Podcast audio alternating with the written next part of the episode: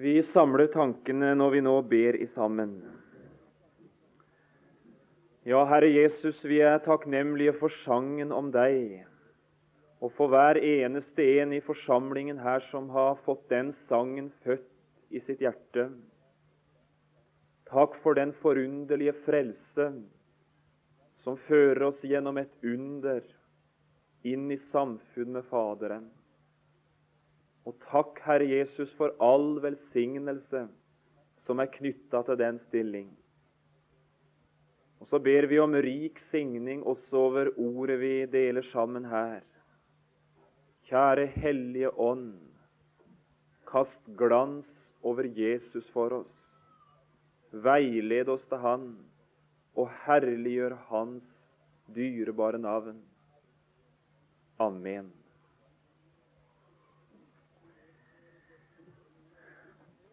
Og Vi leser dette bibelordet også nå, som vi har lest sammen begge de to første timene. Første Korinterbrev 1 og vers 30 i Jesu navn. Men av Ham er dere i Kristus Jesus, som er blitt oss visdom fra Gud og rettferdighet og helliggjørelse og forløsning. Amen. Vi har til nå forsøkt å stanse ifra begynnelsen om den stilling som en kristen er satt inn i når det kan sies om han av Gud du er i Kristus Jesus. Og Vi forsøkte i timen i går å tale litt sammen om hvorledes denne stilling setter oss i forbindelse med den visdom som ikke er av denne verden, men som er ovenfra og litt også om hva denne visdom fører oss til erkjennelse av. I denne timen så understreker vi det tredje uttrykket her i vers 30. Den som er i Kristus Jesus, han har opplevd at Jesus har blitt ham til rettferdighet. Og det er tanker omkring det Skriften kaller rettferdiggjørelsen, som vi nå forsøker å ta fram. Den første hovedsaken som jeg hadde trang å streke litt under da, det er det vi kunne feste til uttrykket forsoning og rettferdiggjørelse. Skal vi få fatt i hva der ligger i begrepet rettferdighet og rettferdiggjørelse, så trenger vi aller først å ha fatt i forskjellen på det som kalles forsoning eller forlikelse, og det som her altså kalles rettferdighet eller rettferdiggjørelse. Og For å få fatt i hva forsoningen er, så streker vi under to enkle, sentrale bibelske ord. Det ordet 'forsone' eller 'forsoning' det finner du omtrent ikke i den gamle bibeloversettelsen. Så vidt jeg har lagt merke til, så er det bare to vers i Det gamle testamentet som bruker ordet 'forsone'. Og Det er i forbindelse med loven som ble gitt med Moses. Forsoning finner du ikke i den gamle bibeloversettelsen i det hele tatt. Men saken er der. Og det begrepet som er brukt for forsoning, det er forlikelse. Det finner du nokså ofte brukt i den Bibelen som de aller fleste av oss nå går ut ifra. Det var to uttrykk i den forbindelsen. Det ene det er begrepet soning skal jeg få fatt i hva forsoning innebærer for et menneske, så må jeg aller først ha peiling på soning, hva det er. Der gjør i grunn norsken oss et lite puss, for vi tenker vel at soning og forsoning kanskje er samme sak. men det er det ikke. Vi kan ikke tale om forsoning uten først å tale om soning. Og hva legger Bibelen i begrepet soning? Vi slår opp 1. Johannes brev i kapittel 4 og leser det kjente vers 10. Første Johannes brev, kapittel 4 og vers 10. I dette er kjærligheten, ikke at vi har elsket Gud, men at Han har elsket oss. Og så kommer det og sendt sin sønn til soning for våre synder. Soning har med den gjeld og den skyld å gjøre som du og jeg som syndere står i innenfor Gud. Dette å være et fallent Adams barn betyr at en står i syndeskyld og syndegjeld innenfor Gud. Og et menneske som deg og meg, som har pådratt oss en slik skyld, kommer aldri til å kunne finne fram til fortrolig samfunn med Gud uten at denne synd, denne syndeskyld, denne syndegjeld sones, dekkes over, slettes ut. Soning, det har med den gjerning Jesus gjorde for å fri oss fra syndeskylden og syndegjelden å gjøre. Der var ingen av oss som selv kunne sone vår synd og vår dom. Det var umulig. Og men så sier evangeliet det var en som sendte sin sønn til soning for egne synder. Nei, nei. For våre synder. Og det vil jeg så gjerne løfte fram det er ikke én en eneste sjel på bibelkurset her på Åkra uten at jeg kan si det fra Gud til deg. Din synd er sonet. Din gjeld, den er slettet ut. Jeg vet ikke om alle her hører Herren til, og allikevel så sier jeg det helt frimodig. 1. Johannes 2 og vers 2. Han er en soning, ikke bare for våre synder, underforstått oss som tror. Han er en soning for hele verden. Og så står Johannes og peker på han, der Jesus er i ferd med å innlede sin forsoningsgjerning. Se der, Guds lam som bærer verdens, verdens synd. Og så var det ikke én synd som ikke var med den dagen synden ble lagt på ham, ja, hvor det endog står at han ble gjort til synd for oss. Jesus kom som den himmelske ypperste prest som etter den jordiske ypperste prests forbilde skulle gjøre soning for våre synder. Og så har vi altså fatt i hva soning er. Det står for den gjerning Jesus utfører med tanke på konflikten mellom Gud og synden. Soningsverket, det er Guds løsning på det syndeproblem jeg ikke maktet å løse selv. Soningen, det er Kristi gjerning med hensyn på vår synd. Og Det andre begrepet vi må ha fatt i, det er begrepet forlikelse. Det er kanskje en eller annen som har den nye oversettelsen.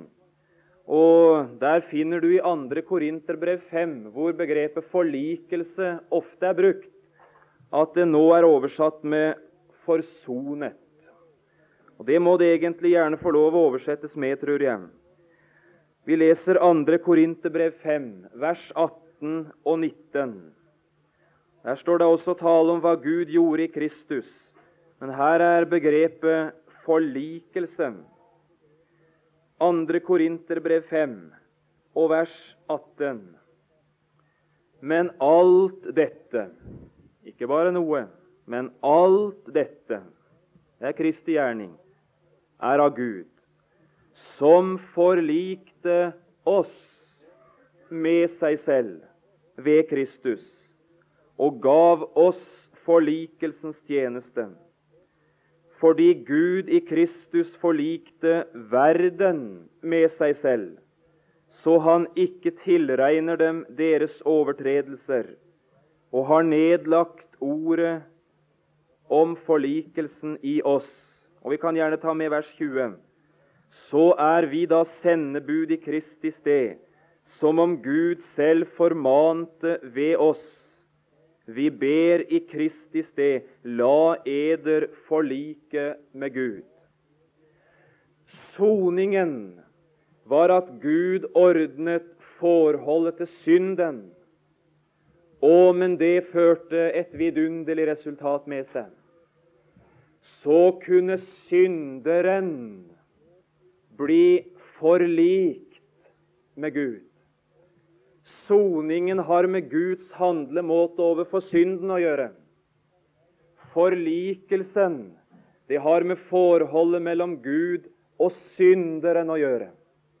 Det forholdet kunne aldri bli brakt i orden uten det først var skjedd noe med det som ødela. Soningen forteller det som stengte, det er båret bort. Og så er forlikelsen blitt en virkelighet.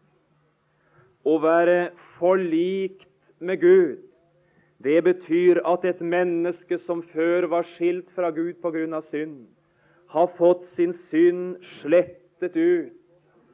Og så er det ødelagte samfunnet med Herren. Det er gjenoppretta. Det er i orden. Vi er forlikt med ham. Soningen, for altså å understreke det så vi har fatt i det, har med Guds handlemåte overfor synden å gjøre. Forlikelsen, det er resultatet av soningen og går på Guds forhold til synderen. Og så har du det. Du ser her i 2. Korinterbrev 5 at denne forlikelsen på en måte har to sider. På den ene sida så heter det Gud har i Kristus forlikt verden med seg selv. Og Samtidig så roper den samme Gud ut La eder forlike med Gud.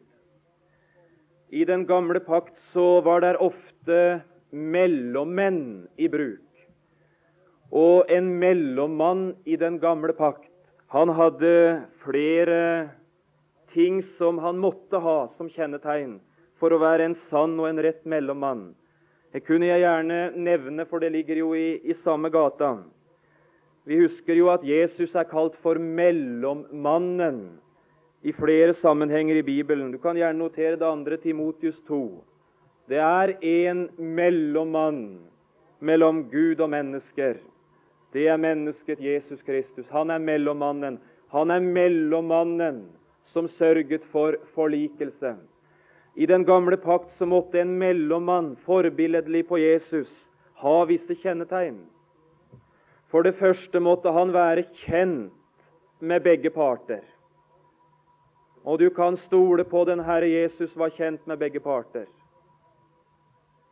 Kjent av Faderen fra evighet Sønnen. Og det var et forhold som kan du, du kan stole på. Det var et kjennskapsforhold. Kjent med den part. Og så steg han i vår jammer ned, så dypt som ingen vet. Så ble han et menneske som oss. Det blir av og til sagt at Jesu fornedrelse var at han ble menneske. Det har jeg aldri lest i min bibel. Vet du hva der står? da han i sin ferd var funnet som et menneske, fornedret han seg. Fornedrelsen var ikke at han fikk et legeme og ble menneske. Det har han i herligheten òg. Det var som menneske han gikk inn i fornedrelsen. Det var da han, som ikke visste av synd, ble gjort til synd for oss. Det er fornedrelsen. Men i sin fornedrelse Å, du kan stole på han gjorde seg kjent med denne parten, han som ble med oss. Han måtte være kjent med begge parter. Det var den ene betingelsen. For det andre så måtte han være upartisk. Han måtte ikke favorisere den ene part fremfor den andre. Måtte ikke skyve den ene part til side og ta mindre hensyn til den enn til den andre. Og du kan stole på den Herre Jesus tok forhold og hensynet til Faderen alvorlig. Det var ikke ett punkt hvor han satte hensynet til Faderen til side. Og du kan stole på han har tatt hensyn til deg, du som er her, som han skulle sørge for å føre inn i samfunnet med Gud. Han er upartisk, hensynsfull overfor begge parter. Det tredje, en mellommann, måtte være i den gamle pakt. Han måtte være rettferdig.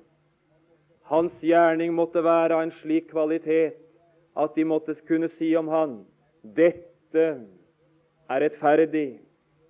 Dette du her har gjort, dette du står for, å, men det er rettferdig i alle deler. Og som den Herre Jesus var den rettferdige. Du ser i 1. Johannes 2, der vi leste i det første verset. Vi har en talsmann hos Faderen, står det. Jesus Kristus, den rettferdige. Rettferdig. Og Den fjerde saken som måtte gjelde en mellommann, det var særlig det jeg ville understreke.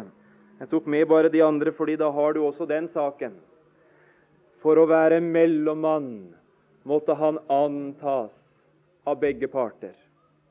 De måtte godkjenne han som mellommann.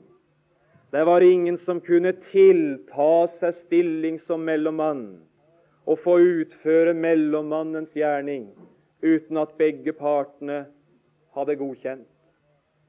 Og Så er vi midt i saken her og så peker vi på Han som steg inn i verden for å forlike verden med Gud. Og nå har jeg trang å si noe som jeg fryder meg over.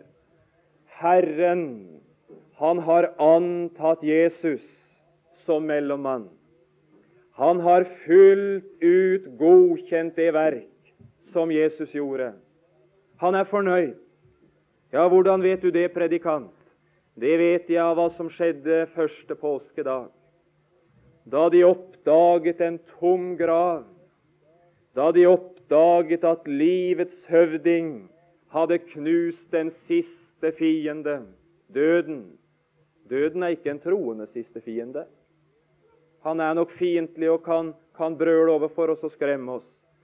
Han var Kristi siste fiende. Den siste fiende som tilintetgjøres, det er døden. Det er et fiendeforhold overfor Jesus. Vet du hva Paulus sier, han som tror? For meg er livet Kristus og døden en fiende. Nei, nei. For meg er livet Kristus og døden en vinning. For en troende så er det alltid nærmere Jesus. Og endog døden, som var den truende fiende for slekten, må øve den tjeneste og føre oss over floden, bort fra legemet og hjem til Herren. Slik snakker en da ikke om en fiende. Nei, nei. Han er en venn. Han er en vinning, denne døden. Da Jesus ble oppreist fra de døde, var det et guddommelig godtgjørende bevis fra Herren. Jeg er fornøyd med det Sønnen har gjort, og jeg skal møte slekten og ta den til nåde ved Hans verk. Gud har i Kristus forlik verden med seg selv. Det er i orden. Det skal ikke mer til. Men så er det det, skjønner du. Det var noen som fikk et budskap å gå med. Og rope til den andre part. Mellommannens gjerning, velsignelsene som følger av denne gjerning, blir aldri et menneske del subjektivt før han selv antar Jesus. Og det har jeg trang å si. Jeg er så glad at jeg skal få se over en forsamling som det her, og vite om de aller fleste av dere Vi er av de som har sagt et ja til mellommannen, som har forlatt strevet og gjerningenes og fortjenestens vei på vei mot Gud. Vi så at den veien, den fører ingen vei hen. Den fører oss bare til undergang. Å, men så fikk vi se en ny og levende vei. Det var veien gjennom Han som er mellommannen. Og så kom det til det punkt i vårt liv da Han var blitt så stor og herlig for oss. Vi måtte si det Fader i Jesus Kristus. Vi antok Han som mellommann, og så var vi forlikt. Å, men vi skulle ønske at også på bibelkurset så kunne det være en som fikk høre det ropt inn i dypet av sin sjel. La eder forlike med Gud. Og Da er vi rett i saken som Paulus her skriver om. Soningen har skjedd. Forsoningen, eller forlikelsen, er også en virkelighet fra Guds side en gang for alle. Da Jesus døde, så ordnet han opp hele verdens skyld. Han løste alle menneskers konflikt. Men det er ikke alle mennesker som dermed er frelst. Det ser vi da her på Åkra. Jesus er død for dem. Det var deres synd som var lagt på ham. Det var for disse Jesus sleit til blods i døden. Det var for deres skyld han ropte det ut, min Gud, min Gud, hvorfor har du forlatt meg? Og et fullbrakt Men de er ikke frelst, for de er ikke rettferdiggjort. Og så er vi ved rettferdiggjørelsen. Hva er egentlig dette å være rettferdiggjort? Det er det som skjer i det øyeblikk et menneske kommer i kontakt med Kristi verk, som skjedde én gang og skjedde for alle, og kommer dit hen at han må be. Å, om dette verk kunne bli meg til del. Å, om dette kunne bli gjort gjeldende overfor mitt liv og min sjel. Forsoningen, forlikelsen, det har skjedd det er en historisk engangsbegivenhet. Rettferdiggjørelsen er en personlig engangsbegivenhet. Og den finner sted i det øyeblikk et menneske kommer til tro på Jesus. Han blir rettferdiggjort. Her har vi problemer med norsken igjen. Rettferdiggjort. Det, det lurer oss, det der. For da tenker en med en eneste gang noe i retning av ja, rettferdiggjort. Det må jo bety at jeg på en måte da under en slags guddommelig behandling blir forvandla fra å være urettferdig til å bli rettferdig nok, så Gud er fornøyd. Ikke sant? Det ligger litt i det der uttrykket. Og hele pavekirken, den katolske kirke, lærer endog sånn om nåden at nåden er en slags medisin gitt fra Gud. Bare nåden blir sprøyta inn i, i mennesket, så virker den slik på mennesket at det forvandles her fra å være urettferdig til, til å være rettferdig. Har hørt sånt? Nåden er ikke noen medisin for gamle Adam. Det skal vi snakke om litt mer i morgen når vi taler om helliggjørelsen. Nåden er ikke medisin, for han er ikke mottagelig for sånn medisin, han som bor her fra fødselen. Rettferdiggjørelsen er ikke en slags guddommelig innflytelse på det gamle, som forvandler det som var i ferd med å ja, det var, det var, jo helt ødelagt. Forvandle det til å, til å, passe inn i himmelen. Den medisin den finnes ikke, ikke engang i himmelen. Og Skulle Han forføre oss hjem, Han som heter Herren, så måtte det mer enn medisin til. Det måtte noe ganske annet til. Det måtte skje noe utenom. Og så er jeg ved noe som, som vi må ha fatt i for å få fatt i rettferdiggjørelsens budskap. Nå er det mange unge her, og jeg vet ikke om du har hørt det. Har du hørt det, så skal du få høre igjen. Rettferdiggjørelse betyr ikke at du forvandles her inne. At du i din tilstand liksom blir forvandla fra å være urettferdig. Du blir gjort rettferdig av Gud, liksom. Og så er Gud fornøyd etter en tids behandling. Det er ikke det i det hele tatt. Hadde vi levd samtidig med Paulus, så kunne vi gått til rettssalene i Rom sammen med den store apostel og så kunne vi overvært rettssaker. Og så hadde det kommet til å skjedd en og annen gang at vi hadde sett en rettferdiggjørelse nå og da. Ikke bestandig. For det er jo av og til, og kanskje oftest, at skyldige menneske, menneskers sak kommer opp. Og så blir de dømt skyldige.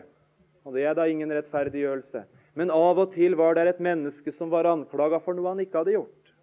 Og så førte de rettssaken på en sånn måte at det kom for dagen. Det var ikke han som hadde drept den andre mannen, det var en annen. Det var ikke han som skulle dø, for han hadde ikke gjort noe galt. Og så sørget retten på en måte for at han som var anklagt, han ble reinvaska. Han ble frikjent. På Paulus' tid så brukte de ordet 'rettferdiggjort' om et menneske som var anklagt som synder, og som ble krevd straffet for synd, men som etter rettsprosessen ble ført dit hen at dommeren kunne si om han han skal ikke straffes. Han skal rettferdiggjøres. Han skal frikjennes. Og det der er viktig å få fatt i. Rettferdiggjørelse, det er at det er felles frifinnelsesdom over anklagede mennesker. Og da har vi peiling på med en eneste gang hvor skjer rettferdiggjørelsen så? I hjertet? Nei, nei. På bedehuset? Nei, nei. I en ganske annen sal. I himmelen. Rettferdiggjørelsen som enhver troende har opplevd, den skjer ikke her slik han paven i Rom vil ha oss til å tro. Den skjer i himmelen. Rettferdiggjørelsen er ganske enkelt at Gud for Kristi skyld roper det ut så de hører det i himmelen og i helvete og hele veien. Her er en som var anklaget, som saken så mørk ut for. Men etter at saken er belyst fra alle sider, så er han frikjent og det skal ikke sies et eneste ord til om hans situasjon. Han er frikjent. Når Paulus altså taler om hva vi er i Kristus, så løfter han fram Kristus har blitt oss rettferdighet. Vi er rettferdiggjort ved det Jesus står for, og ved det Han gjorde for oss. Det ble gjerne noe teoretisk, det der. Men jeg syns for min egen del at det løsna som med de der begrepa når jeg fikk fatt i forskjellen på soning og på forsoning, eller så forlikelse, og så rettferdiggjort. Det er den personlige tilegnelse av Jesu verk som føder rettferdiggjørelsen. Og Nå skal vi forsøke å belyse litt om hva dette der er. Og Jeg har glemt klokka her, så nå får jeg se hvor langt jeg har kommet. Ja, det er visst litt tid igjen. At et menneske som deg kan bli rettferdiggjort for Gud. Har du undra deg over det? At det skal være mulig for meg å komme i en slik situasjon at jeg er frikjent, reinvaska, av den levende Gud. Det hadde jeg aldri våget å tro om ikke Den hellige ånd i ord om Jesus hadde vist meg det. Tenk der er mulig for en anklagt, fortvilt, fortapt synder som meg å komme i kontakt med et budskap og en person som kan føre meg inn til dette frikjent av Gud. Å, som jeg undrer meg over rettferdiggjørelsens hemmelighet og herlighet. Ja, endog om en begynner å søke Herren som ufrelst, så forundrer den. Ja, det blir vanskeligere og vanskeligere å tro for en synder som kommer i kontakt med Herren og begynner å lære både Herren og seg selv å kjenne. Når et ufrelst eller et vakt menneske, som altså har begynt å få tanker på de evige ting uten å være frelst, når han skal begynne å søke Gud, ikke sant, så begynner han alltid, det ligger i naturen, å skulle forberede seg slik at Gud begynner å bli fornøyd med ham. Han slutter med en del ting, ikke sant? Han, han, han lar være å gjøre sånn, og så prøver han å la være å snakke stygt, og så prøver han å kutte ut det. Og I stedet så begynner han da med en del ting som han tenker Gud må være veldig fornøyd med om jeg kan klare. Han begynner å, å, å holde, holde, loven så langt han klarer, holde noen bud og lese litt og be litt og alle disse tinga der. Det ligger liksom i naturen vår at skal Gud bli fornøyd med meg, skal jeg komme dit hen at jeg kan se Faderen inn i øynene som barn, altså må jeg, så må jeg forberede meg grundig. Når et menneske begynner sånn, som det vakte mennesket ofte gjør, kommer han alltid inn i mørket. Han kommer alltid inn i en fortvilt stilling. For det første fordi han aldri lykkes slik han gjerne ville. Han får aldri godt nok til det der og blir slik som han tenker Gud vil han skal være. Og hva enda verre er, ettersom han lærer Herren å kjenne, så kommer han til å oppdage at forskjellen mellom meg og han, den var langt større enn jeg hadde tenkt. Jeg trodde ikke det var så stor forskjell, men forskjellen blir jo bare større og større. Jo mer jeg forsøker å nærme meg Han, jo lengre bort oppdager jeg at jeg kommer. En oppdager nemlig et prinsipp når det gjelder Herren, som skal gjelde for det mennesket som møter Gud uten gjennom Jesus. Og Det har jeg lyst til å si. Spørsmålet for et menneske i denne verden er ikke om han skal møte Gud, men det er hvordan han skal møte Han.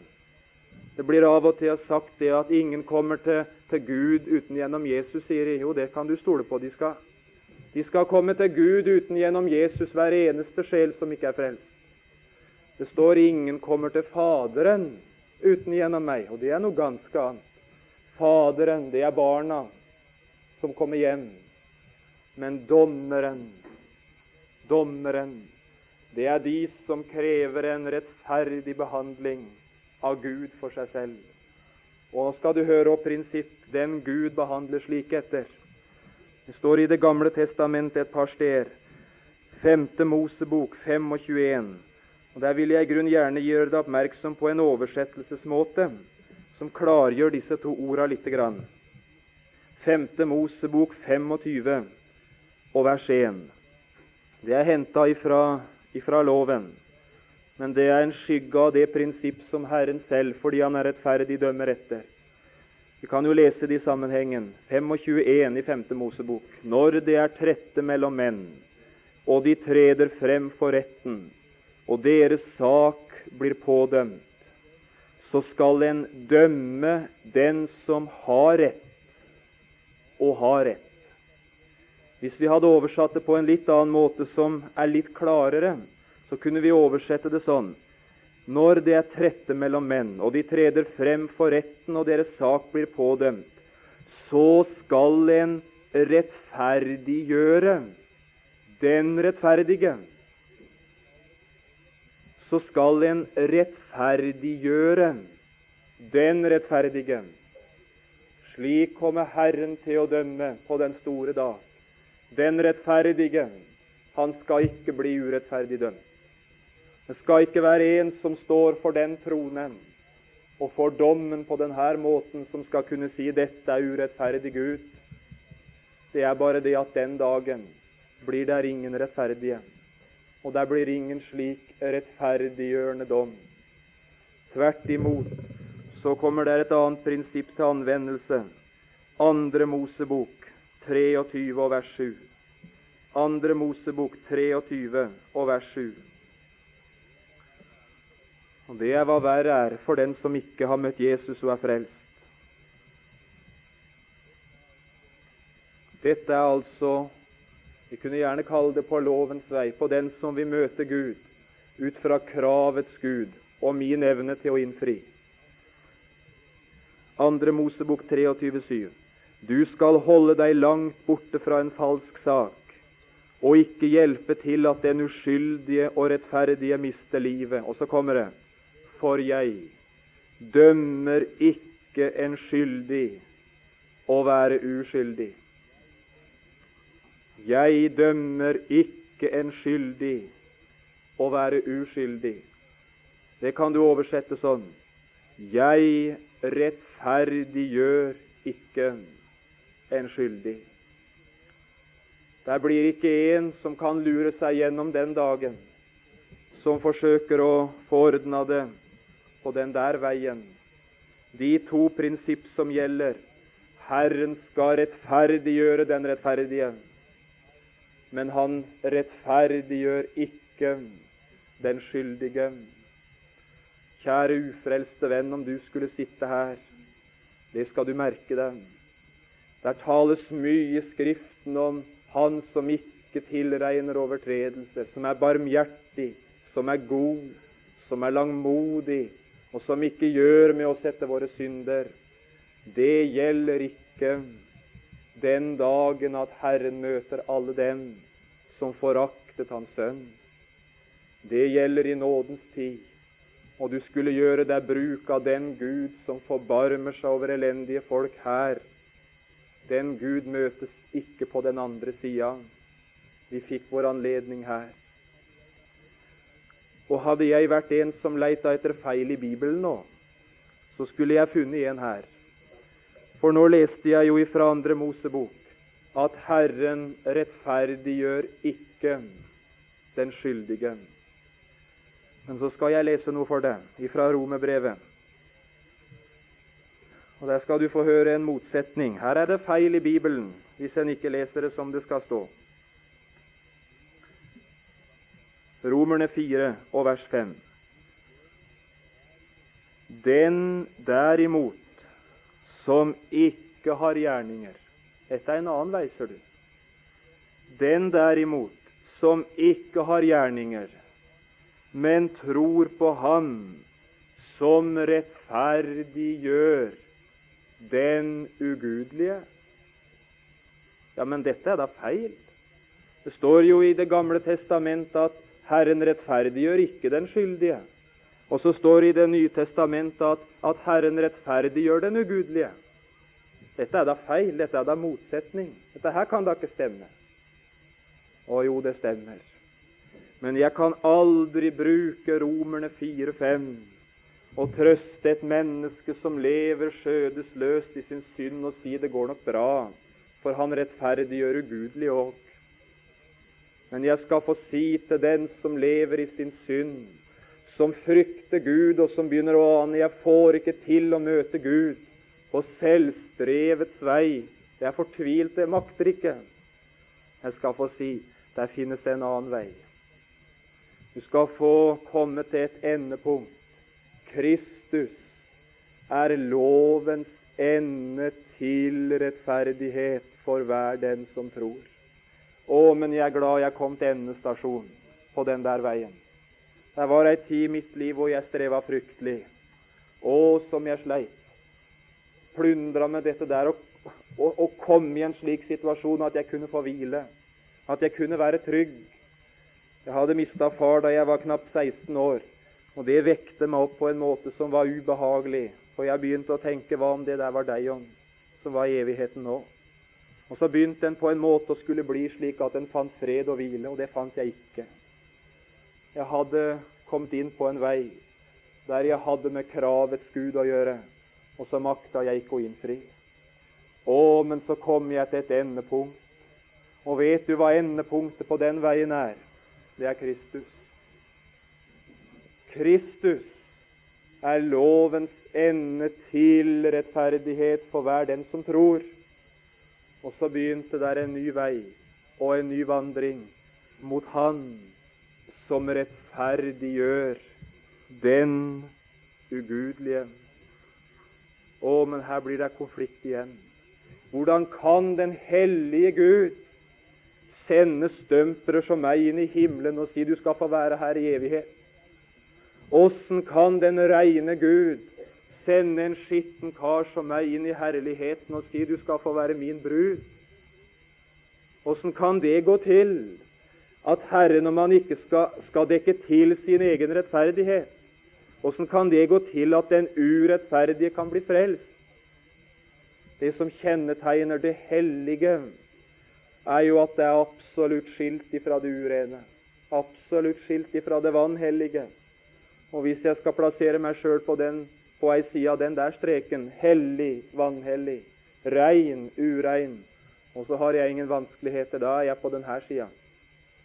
Og Skulle jeg lukkes inn i himmelen umiddelbart, så ville himmelen ikke være hellig lenger. Da ville herligheten ikke være rein. Her ville være en surdeig som syret. Vil ikke passe inn. Hvordan kan den hellige Gud rettferdiggjøre den ugudelige? Unge venn, hvordan har du tenkt at Gud skal kunne sende deg frikjent inn i herligheten? Hvordan har du tenkt det skal gå til? Ved å slite og streve med deg sjøl så godt du kan, for at du når dit hen at Gud sier 'ja, endelig, nå er jeg fornøyd'. Eller kanskje motsatt, at han ser litt gjennom fingeren og sier 'nei, det er, det er ikke så nøye'. Jeg bare må si det så nøye så, så de blir skremt, og iallfall viser at de mener ærlig i sitt strev.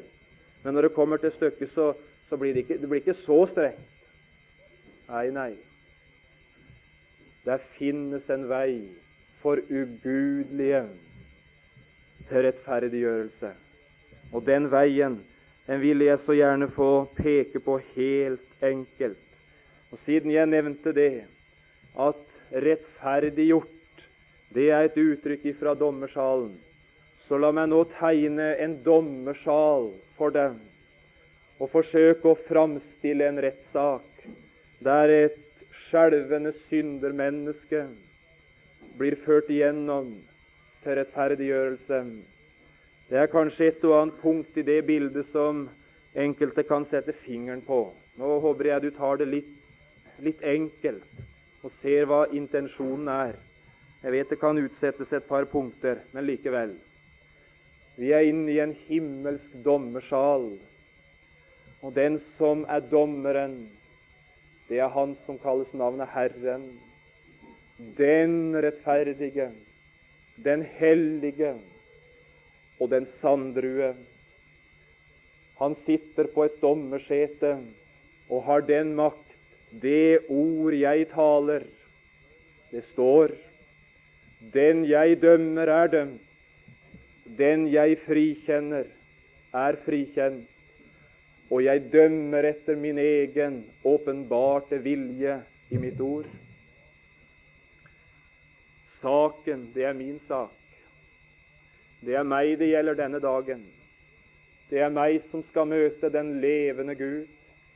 Og det er min sjel og min frelse det gjelder. Det er mitt liv som skal opp til vurdering. Og som jeg skjelver i dommersalen denne dagen. Mitt liv, min rettferdighet, hvor er den? Anklageren og å ta det litt pent. Han kaller vi Moses. Vi kaller han han som leser aktors ord fra lovtavlene, som leser Guds åpenbarte vilje for mitt liv, og som leser 'Gjør dette, så skal du leve'. Det er aktor. Og så har jeg en forsvarsadvokat jeg hadde ingen som kunne hjelpe meg denne dagen, før en tjener, Guds ånd, viste meg en som ville ta min sak. Han kom som den levende ut av døden, og han kom som synderes talsmann. Han møtte meg før denne dagen og sa, 'John, du har ingen nå.' Nei, jeg skal ta din sak. Og så gjorde han det. Rettssaken begynner. Og så møter jeg et ord, lest med guddommelig myndighet og lys, om hva jeg skulle ha vært, om hva Gud hadde bestemt for mennesket fra opprinnelig, om hva Han også hadde grunn til å vente av mennesket. Gjør dette, så skal du leve. Å, men jeg er redd. Og så begynner aktor å tale om meg i lys av dette der.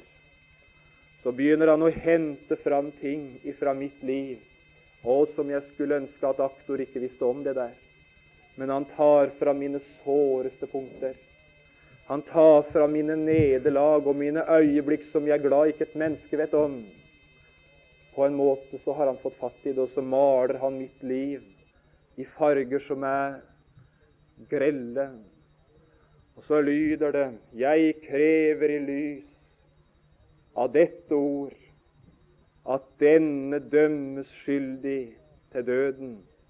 Ordet er klart, livet er utvetydig ondt, og begjær om straff er tydelig uttalt, han skal dø.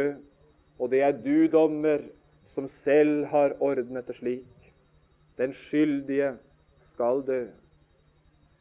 Dette er den vakte. Dette er det mennesket som streber fram, og som har bare møtt den hellige Gud, og som har sett sin synd og har opplevd det som vi må lese i kirkehistorien om i dag syndenød. Fortvilt. Og så er det trykkende stille i rettssalen inntil én står fram, talsmannen. Det ordet som er brukt for talsmann, heter på latin advocatus. Så er du ikke i tvil om hva han driver med. Han er sakfører. Så gjør han noe forunderlig, denne advokat. Og For å feste dette et ord, les 1. Johannes 2,1 nå. Om noen synder Det er talt litt i en annen sammenheng der, men vi bruker det likevel. Om noen synder har vi en talsmann hos Faderen. Og det er denne talsmann som nå har sagt John, jeg skal ta din sak, og så skal du se. Han gjør tre ting, denne talsmannen. Og det første han gjør, det gjør meg enda mer redd enn jeg var. Han gir anklageren fullstendig rett. Han forsøker ikke å trekke ned kravets ord talt av Herren. Han forsøker ikke å legge et lysere skjær over mitt liv og forsøke å si det er ikke bare dårlig, det er da mye godt òg helt nakent og kaldt.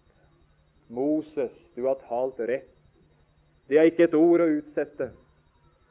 Det er bare det, Moses. Du har ikke sagt alt. Han gir Moses rett. Det er det ene. Og det andre Men nå skal du høre. Den straff som du har begjært over denne skjelvende forbryter, den straffen er fullbyrdet. Og så lyder de 1. Johannes 2,1 og 2. Han er en soning for våre synder. Ja, ikke bare for våre, men for hele verden. Og så løfter han fram i den himmelske herlighet sår som taler sitt tydelige språk om en som var død. Og så aner jeg noe som jeg aldri hadde drømt om. Det var en som var villig å dø i mitt sted for at jeg skulle leve ved Han. Jeg hadde aldri tenkt jeg skulle møte en sånn sakfører på vei til rettssalen, på vei til mitt møte med Herren. Jeg hadde aldri visst det var slike tanker Jesus hadde med meg. Og så mange ufrelste mennesker som ikke har møtt Jesus, som ikke aner hva tanker Jesus har med dem, som ikke aner hva han egentlig vil. Jeg tror han kommer med pisken og med slaga og med den endelige dom og utkastelse. Og så kommer han med redningen. Å, som jeg, å, som jeg jubler. Tenk i, i rettssalen så lyder ord om Han som er soningen. Jeg som tenkte jeg måtte ha sonet selv. Jeg som var skyldig. Du gikk for meg en blodig sti, mens jeg som skyldig var, slapp fri. Og så sier han endelig en tredje ting. Der er ingen som frikjennes uten at han er reinvaska fra alt, uten at han ikke har trådt over, men er fullstendig i samklang med kravets ord. Jeg er Jesus Kristus, den rettferdige. Adresser kravets ord til meg, og du har intet å utsette.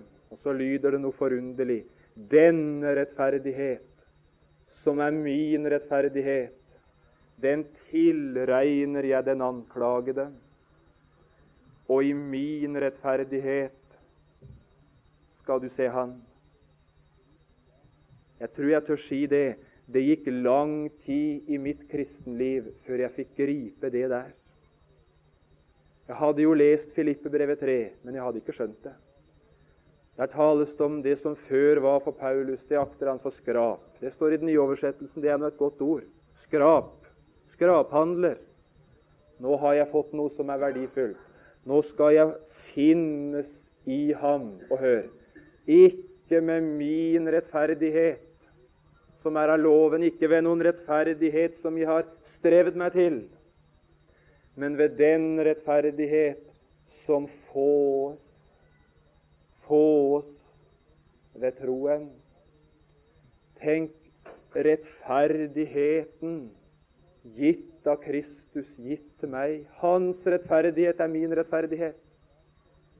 Og så løftes dette fram for Guds åsyn. Hans død, synderens, er min død, mens min rettferdighet er tilregnet Han. Og så stille deg i rettssalen. Det er ikke et ord, jo ett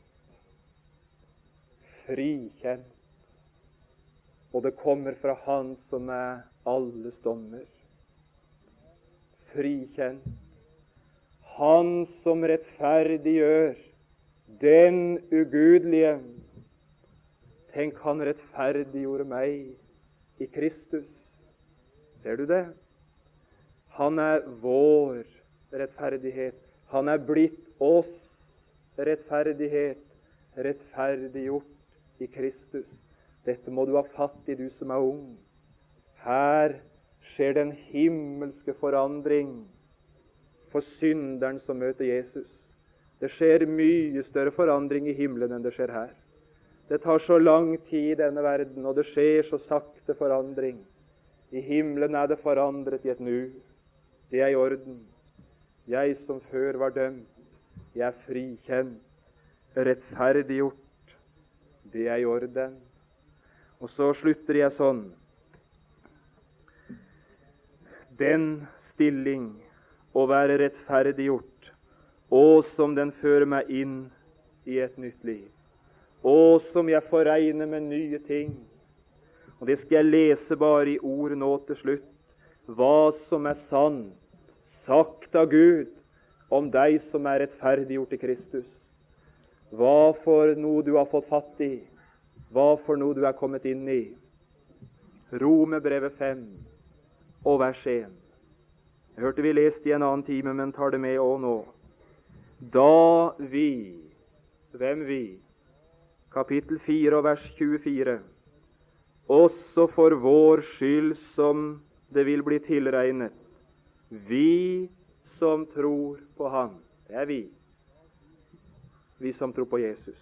Da vi nu altså er rettferdiggjort av troen har vi Og du må strekke under da vi nu er rettferdiggjort. Har vi. Er. Har. Er. Har. Det er en kristen. Da vi nå altså er rettferdiggjort av troen, har vi det første fred med Gud. Og så sier enkelte unge kristne til meg og til andre jeg kan ikke være noen sann kristen. Jeg kan ikke være rett omvendt. Jeg kan ikke være en kristen. For jeg har så lite av denne hjertefreden. Det er så vanskelig for meg å ha fred i sinn og i sjelen. Og en kan da ikke være en kristen uten å ha fred i hjertet, kan en det? Det står jo det i Romerne 5 at hvis det virkelig er sånn at den er rettferdiggjort, ja, så har en jo fred. Og den freden har ikke jeg. Jeg rekker ikke å si noe mye om det, men la meg bare si i Skriften tales det om to slags fred. Og det må du ha fatt i. Du skjønner det hvis jeg bruker et lite bilde. Vi bruker fred som et forhold. Husker du han der eh, president Carter i Amerika? tidligere president, da. hvorledes han tok seg av Begin og Sadat og gjorde noe som verden nesten måtte kalle et under. Fikk ført parter sammen som sto så langt fra hverandre at ingen tenkte nesten det var mulig. Og Så gikk det noen dager, og så kom det på TV i hele verden omtrent bilder av noen som satte seg ved et bord og skrev navn under en erklæring. Det var en mellommann, og så var det to parter. Og så sto det i alle verdens aviser på første side 'Fred mellom Israel og Egypt'. Hva betydde det? At mennesker i Jerusalem var blitt så sprengfulle av harmoni og fred at de hadde hatt gallupundersøkelse i Kairo og funnet ut at nå gikk de omtrent og svevde.